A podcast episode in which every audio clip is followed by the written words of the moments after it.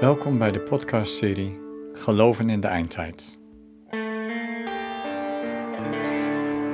Mijn naam is Gijs Lammerts van Buren en in zeven afleveringen neem ik je mee naar Houvast in de Bijbel voor onzekere tijden over de toekomst van de wereld. Aflevering 4 666 in de strijd in de eindtijd over het getal tekens en geestelijke strijd.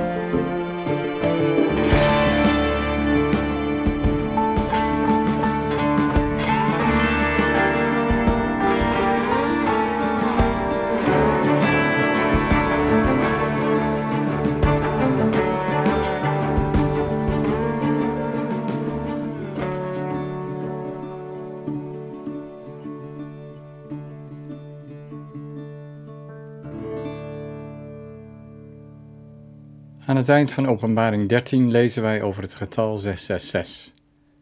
Kopen en verkopen in de eindtijd kan alleen als je dat getal als teken op je voorhoofd of je rechterhand hebt. Met het oog op de technische ontwikkelingen in het betaalverkeer van de afgelopen decennia is door sommige christenen naar deze Bijbeltekst gewezen. Betaalpasje, pincode, chip onder je huid het zou zomaar kunnen dat we doen waar Openbaring 13 tegen waarschuwt. In deze studie luisteren we naar deze tekst in breder verband en ontdekken de geestelijke strijd in het leven. Eerst maar even het directe verband van Openbaring 13, waar het getal 666 genoemd wordt. Het is het vervolg op hoofdstuk 12, waar het gaat over de strijd van de draak. In de vorige aflevering van deze serie heb ik ingezoomd op zijn ontmaskering. Het kwaad dat zich manifesteert als de draak die angst aanjaagt, de oude slang die verleidt, de duivel die verdeeldheid zaait en de Satan die aanklaagt. Maar de grote lijn van hoofdstuk 12 is die van de strijd van de draak die hij keer op keer verliest. Het kind dat geboren wordt kan hij niet grijpen. Dan in de hemel verliest hij het van de aartsengel Michael. Vervolgens gaat hij achter de vrouw aan die het kind heeft gebaard, maar ook nu verliest hij de strijd. En dan aan het eind van hoofdstuk 12 lezen we vanaf vers 14. De draak was woedend op de vrouw en ging weg om strijd te leveren met de rest van haar nageslacht, met alle die zich aan Gods geboden houden en bij het getuigenis van Jezus blijven. Hij ging op het strand bij de zee staan. Einde citaat. Dat is dus de aanloop naar hoofdstuk 13. De draak die de strijd aangaat met het nageslacht van de vrouw. En dat zijn alle die zich aan Gods geboden houden en bij het getuigenis van Jezus blijven. En dan die laatste zin. Hij ging op het strand bij de zee staan.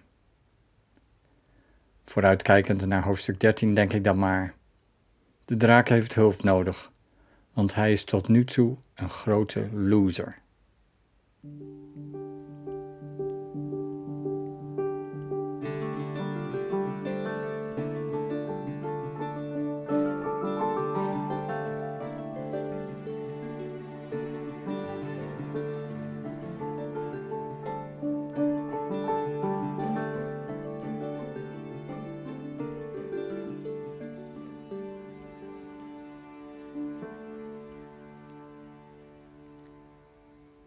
In Openbaring 13 lezen we dan over de helpers van de draak, de twee beesten.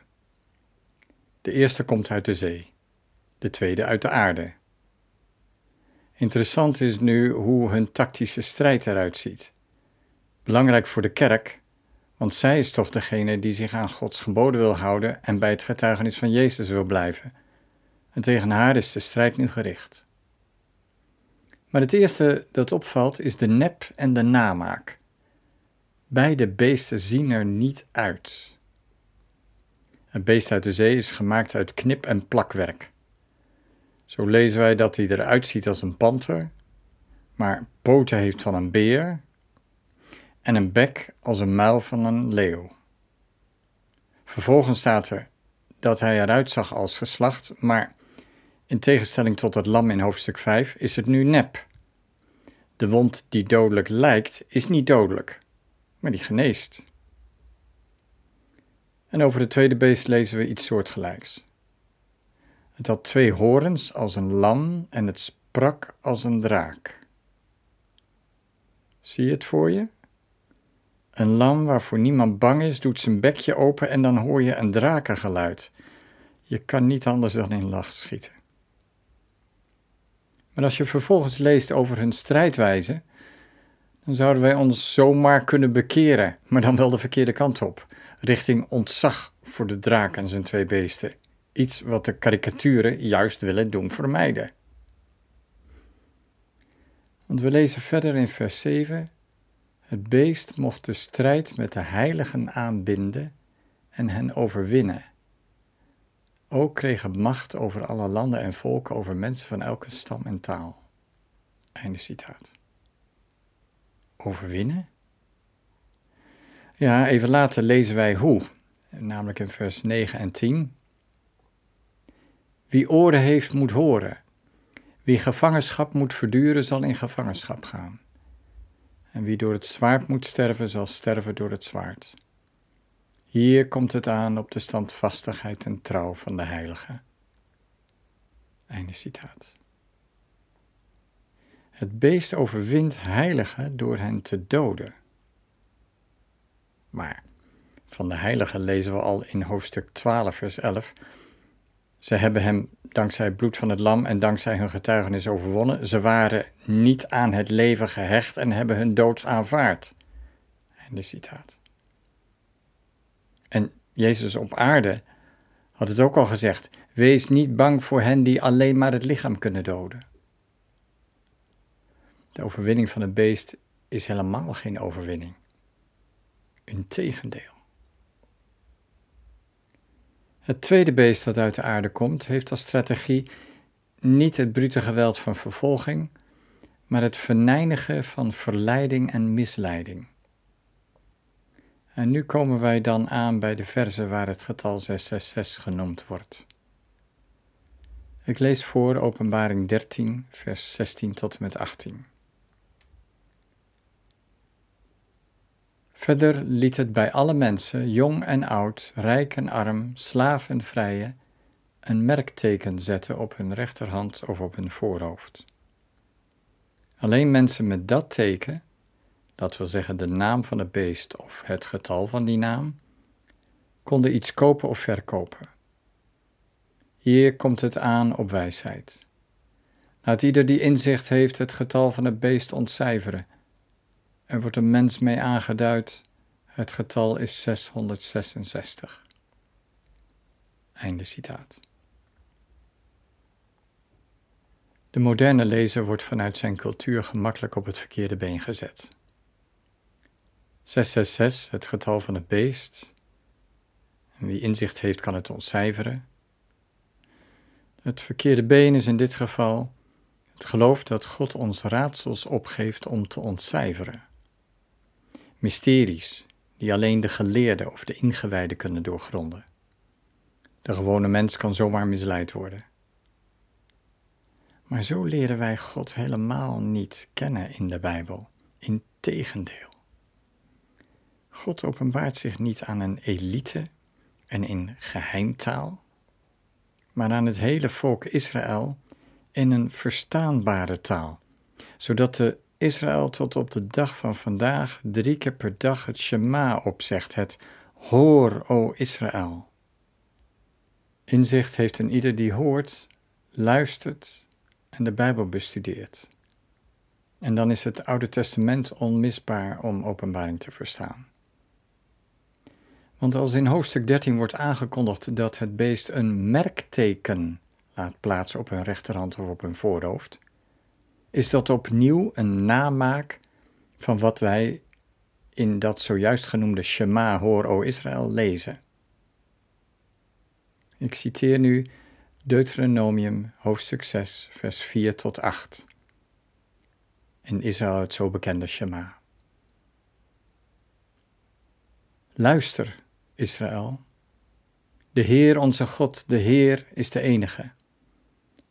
Heb daarom de Heer uw God lief met hart en ziel en met inzet van al uw krachten. Houd de geboden die ik u vandaag opleg steeds in gedachten. Prent ze uw kinderen in, spreek er steeds over, thuis en onderweg, als u naar bed gaat en als u opstaat. Draag ze als een teken om uw arm en als een band op uw voorhoofd. Schrijf ze op de deurposten van uw huis en op de poorten van de stad. Einde citaat.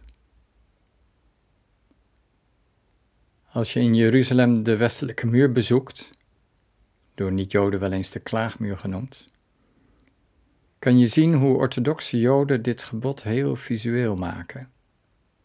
Kleine zwarte kubusjes waarin een stukje Bijbeltekst zit, waaronder het geciteerde, worden met behulp van zwarte riemen zorgvuldig op voorhoofd en arm geplaatst, de zogenaamde tefillin.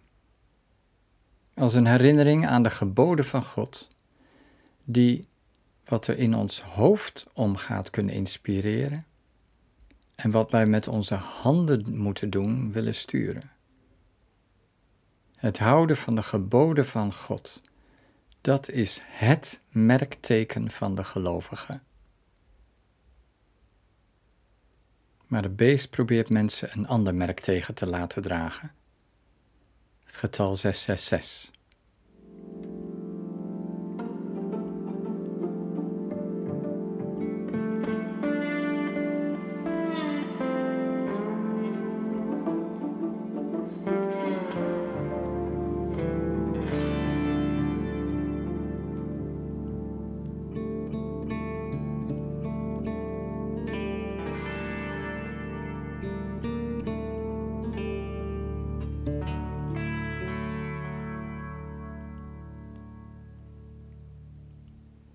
666.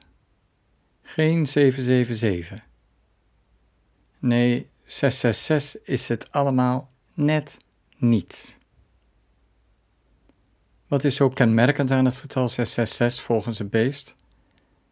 Het vermogen om te kunnen kopen en verkopen. Precies. Maar het kenmerk van de geboden van God is dat ze gratis zijn.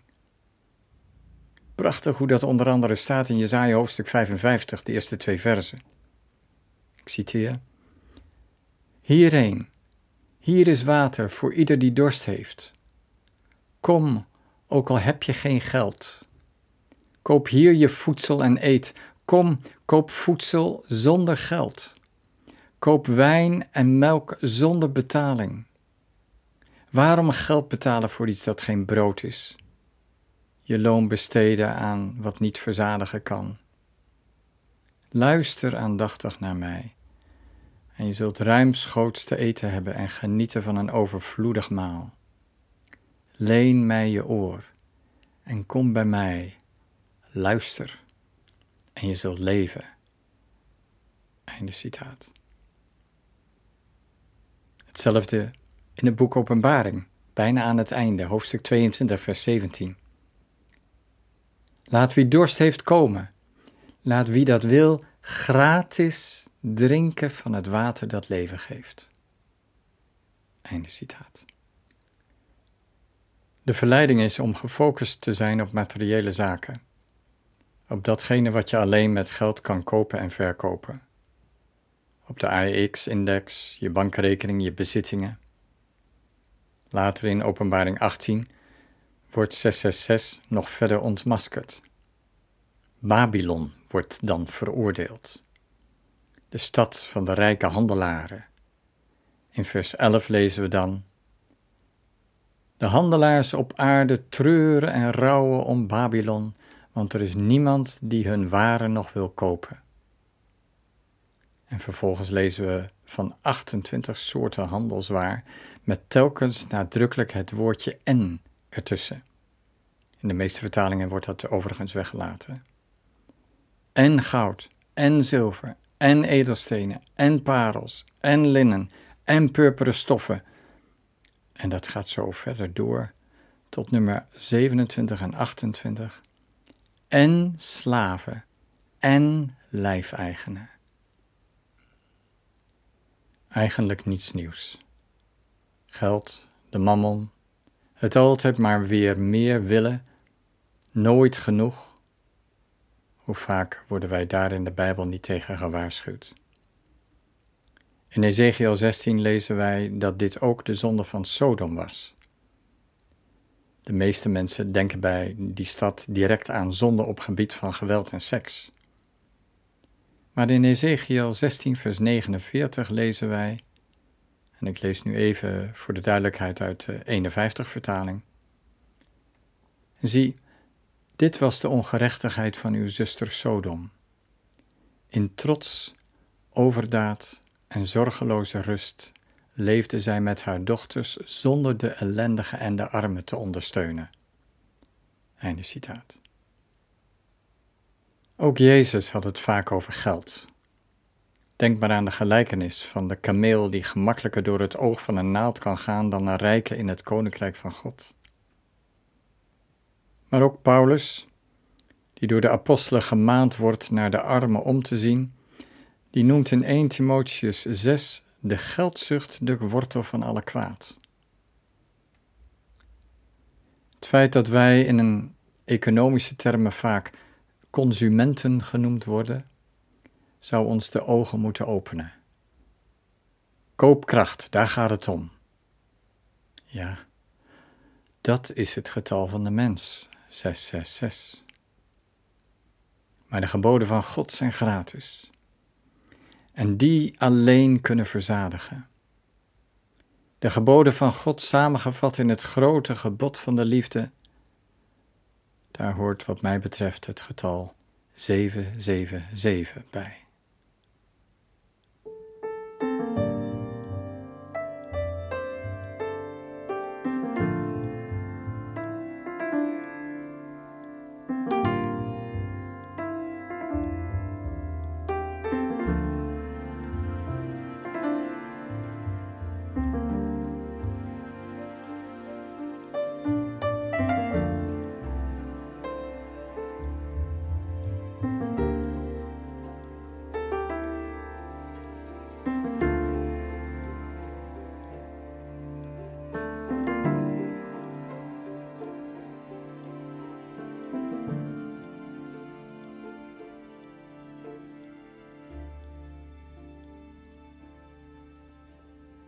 Samenvattend, drie keer strijd in de eindtijd.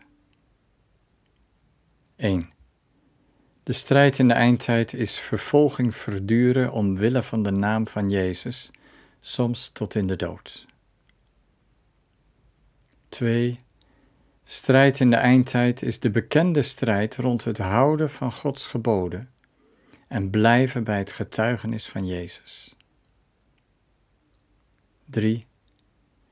Strijd in de eindtijd is het getal 666 ontcijferen en dus weerstand bieden tegen consumentisme en materialisme.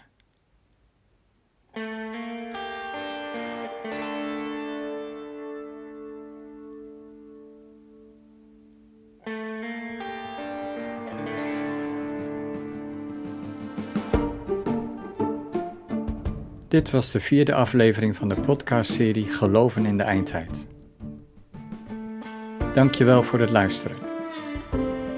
De volgende aflevering Aanbidding gaat over het hart van het boek Openbaring.